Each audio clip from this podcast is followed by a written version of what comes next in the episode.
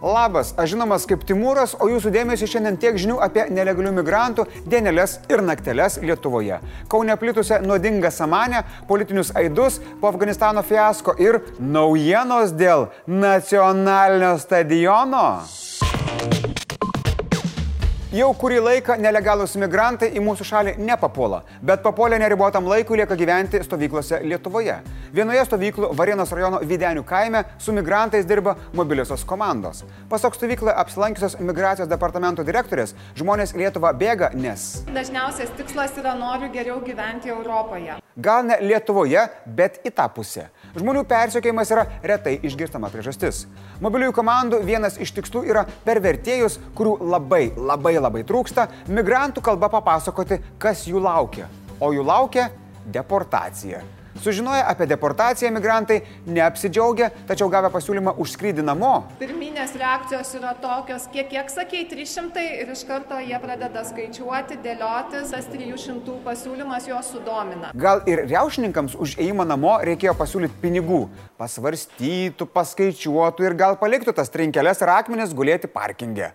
Apmokėti migranto kelionę kainuoja. Tai gali kainuoti nuo 1000 eurų iki kelių tūkstančių eurų. Čia ne į Kievą nuskristi už 5 euriukų ir atgal. Migracijos departamentas dar nėra patenkinęs ne vieno migrantų prašymo dėl prieglopščio, tačiau tai nereiškia, jog tarp migrantų nėra tokių, kuriems tas prieglopsis bus suteiktas. Dabar išnagrinėta tik apie 200 prašymų iš beveik 2000, bet tikimasi per artimiausius 3 mėnesius išnagrinėti didžiąją dalį. Nepaisant to, vidaus reikalų viceministras Arnoldas Abramavičius informavo, kad nuo rūpiučio antrosios dėl humanitarnių priežasčių buvo įleista maždaug 80 migrantų. Jis patvirtino, kad situacija pasienyje stabilizavosi, bet kyla nerimas, kad bet kada gali būti atnaujinti skrydžiai iš Irako į Minską.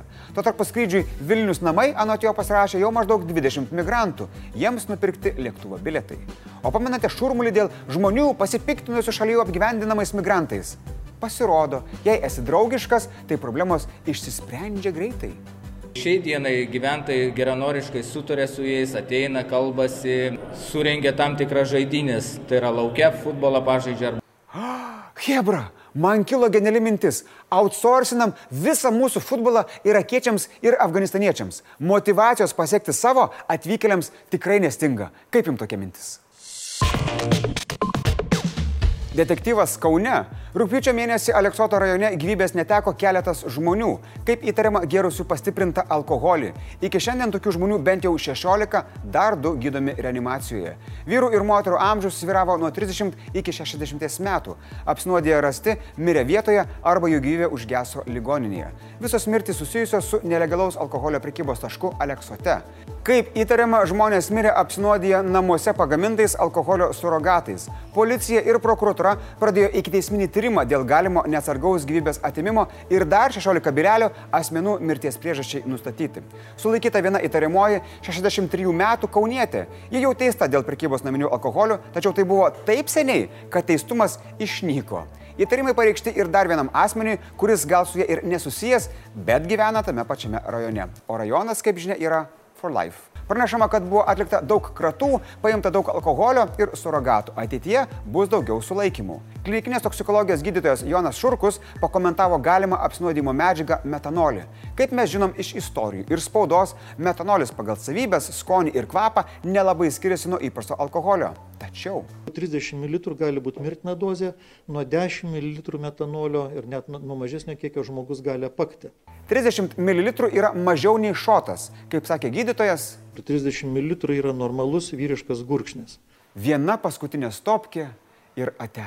Kaip poetiška, ne? Pagrindiniai apsinuodimo simptomai yra pilvo, galvos skausmai, vėmimas ir pykinimas. Bet toksikologas pabrėžia, kad pasidaryti blogą gali ne iškart. Gali po valandos, po dviejų, po trijų būti girtumas, skausmai, traukuliai gali būti. E, didysis apsinuodimas, tas, kuris sukelia skilimo medžiagos, bus vėliau, tai bus po 8, po 10, po 12 valandų, jeigu geria alkoholio, net ir vėliau gali būti. Kartais sunku nustatyti, kuo apsinuodyta, nes apsinuodė žmonės neretai atvežami jau be sąmonės, o toksikologinius tyrimus atlikti būna per vėlų. Medikas atkreipė dėmesį ir į kitą problemą. Ne visi, kas nusipirko nuodingai alkoholio surogatą, išgeria jį iškart. Gal veselį kokiai pasiliko, gal gimtadieniui, gal krikštynoms ar šiaip juodesnė dienai. Todėl tokių apsinuodimų dar gali atsirasti. Kaip apsisaugoti? Paprasta. Jeigu programėlėje Vivino įvertinimas yra mažesnis nei viena žvaigždutė, negerkit. Easy. Junktinėms valstijoms pastarosiomis dienomis tenka atlaikyti griežtos kritikos laviną dėl Afganistano. Kodėl JAV 20 metų finansuota ir treniruota Afganistano kariuomenė pasidavė be mūšio? Kodėl ne vieną mėnesį planuota pasitraukimo operacija virto nevaldomų chaosų Kabulo oro uoste? Ekspertai sako, kad šį karą pralaimėjo ne kariai mūšio laukia, o politikai. O JAV dantimis įsikibę laikosi nuomonės, kad viskas yra gerai.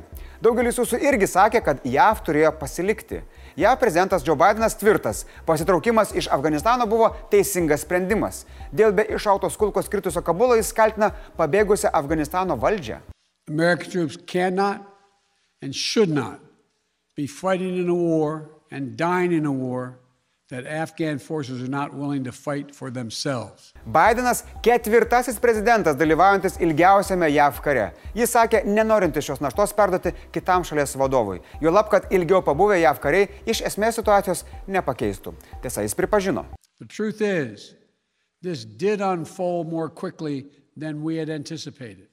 Sulaukia kaltinimų kompetencijos toka ir išdaviste, Baltieji rūmai keičia toną. Sako, kad chaosas Kabule yra geriausias iš visų įmanomų blogų pasirinkimų. Bent jau sustabdo karą, kurio neįmanoma laimėti.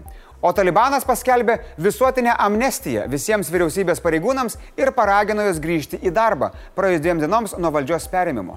Nors iš Kabulo negaunama pranešimų apie rimtus teisų pažeidimo atvejus ar susirėmimus, daugelis gyventojų lieka namuose, sukėlėliams paleidus kalinius iš kalėjimų ir apiplėšus ginklų sandėlius. Pasaulis nežino, ko tikėtis ir laukia, kas bus toliau. Vokietijos valdančiųjų lyderis Arminas Lašetas misiją Afganistane pavadino didžiausią NATO nesėkmę istorijoje. Prancūzijos prezidentas Emmanuelis Macronas pabrėžė, kad Afganistanas neturi tapti prieglapčių teroristams. Junktinės karalystės premjeras Borisas Johnsonas pažadėjo daryti viską, kad Afganistanas nepasuktų ekstremizmo keliu. Prancūzai jau parsigabeno pas save 800 vertėjų ir vyrėjų padėjusių jų kariams Afganistane, o lietuviai dar nesugeba. Žmonės taip bėga nuo Talibano, kad į karinius lėktuvus prisigrūda šimtais. Na, labai tikiuosi, kad lietuvių pajėgoms talkinė vietiniai ir jų šeimų nariai atkeliaus pas mus sveiki ir gyvi, nes jie jau Lietuvos dalis. Daugiau apie įvykius Afganistane ir politinius procesus žiūrėkite tiek žinių kalba ekspertas laidoje. Gerbėmieji, dabar pasakysiu du žodžius, kuriuos išgirdus jūs gali užplūsti nevaldoma džiaugsmo banga, bet žinokite, reikia nusileisti lūkesčius. Nusileidot? Nacionalinis stadionas. Kol kas nėra prošvaiščių turėti tą nelemtą sporto aikštyną ant Akropolio kalno. Statybos konkursą laimėjusio konsorciumo pagrindinė partnerė koncerno ICOR įmonė Axis Industries traukiasi iš projekto. Jos vietą užims investicijų bendrovės BoldCap fondas, iki šiol projekte turėjęs finansinio partnerio poziciją. Tai visiškai nenustebino Vilniaus miesto mero Remigiaus Šimašiaus. Pasak jo, kol viešųjų pirkimų tarnyba buvo sustabdžiusi konkursą, statybų kainos pakilo, todėl projektas pabrango net 15 milijonų eurų? Tai pala stadiono nebus? Nu ne. Nebūtinai. Dabar viskas yra BoldCap rankose. Axis Industries iš konkurso pasitraukė, nes nebegalėjo už sutartus pinigus pastatyti stadioną. Kaip sakė BoldCap partneris Šarūnas Tepukonis, tai neįmanoma. Būtų tekę trūkstamų pinigų prašyti viešojo sektoriaus. Tačiau tai būtų konkurso sąlygų pažeidimas ir vėl tektų viską pradėti iš pradžių. Tai gal tik tai mano anūkai tada, arba anūkų anūkai galėtų tikėtis šeškinėje burzgiančių traktorių. Dabar koncernas ieško bendrovių. Jei koncesijos sutartį pasirašys šį mėnesį ir greitai susitars su rangovu, stadiono statybų pabaigos galime tikėtis 2024 metais. Čia idealiu atveju, jei sukris kortos, jei jo dakatė neperbėgs stadiono teritorijos, jei žvaigždės neišsidirbinėdamas atsistos į konkrečias pozicijas. Fuh, kaip jūs manote, bus tas stadionas ar ne? Parašykit komentaruose. Ir tuo pačiu, jei žinote, parašykit, koks lažybų bendrovėse koficijantas stadiono statyboms vaikšto. Į labai įdomu. Blitz naujienos. Pietų Prancūzijoje plintant gamtiniam gaisrui evakuoti tūkstančiai žmonių. Keliams šimtams ugnegesių su ugnimi kovoti padeda vandenį pilantis orlaviai. Darbą sunkina aukšta oro temperatūra, stiprus vėjas ir turbūt ugnis. Į Klaipėdos uostą pirmą kartą nuo pandemijos pradžios atplaukė kruizinis laivas. Uostas faktiškai praradęs du kruizinės laivybos sezonus. Kitame tikisi susilaukti per 50 kruizinių laivų. Rekomenduoju nuvaryti ir nusifotkinti prie to laivo, nes tai istorinis įvykis. Vienas laivas per du sezonus. 68 metų moteris pareiškė kaltinimus Nobelio premiją įvertintam dainininkui ir muzikos autoriui Bobui Dylanui. Ieškinyje teigiama, kad Dylanas nukentėjusiai išnaudojo šešias savaitės 1965 metais, kai jai buvo 12. Pasak Dylano atstovo, teiginys yra netiesa ir bus ginamas.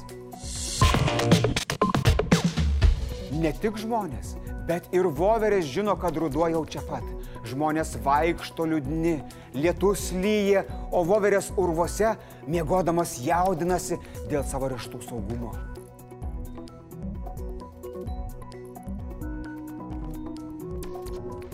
Linkiu, kad jokios svetimos rankos neliestų jūsų riešutų. Šiandien tiek žinių. Iki.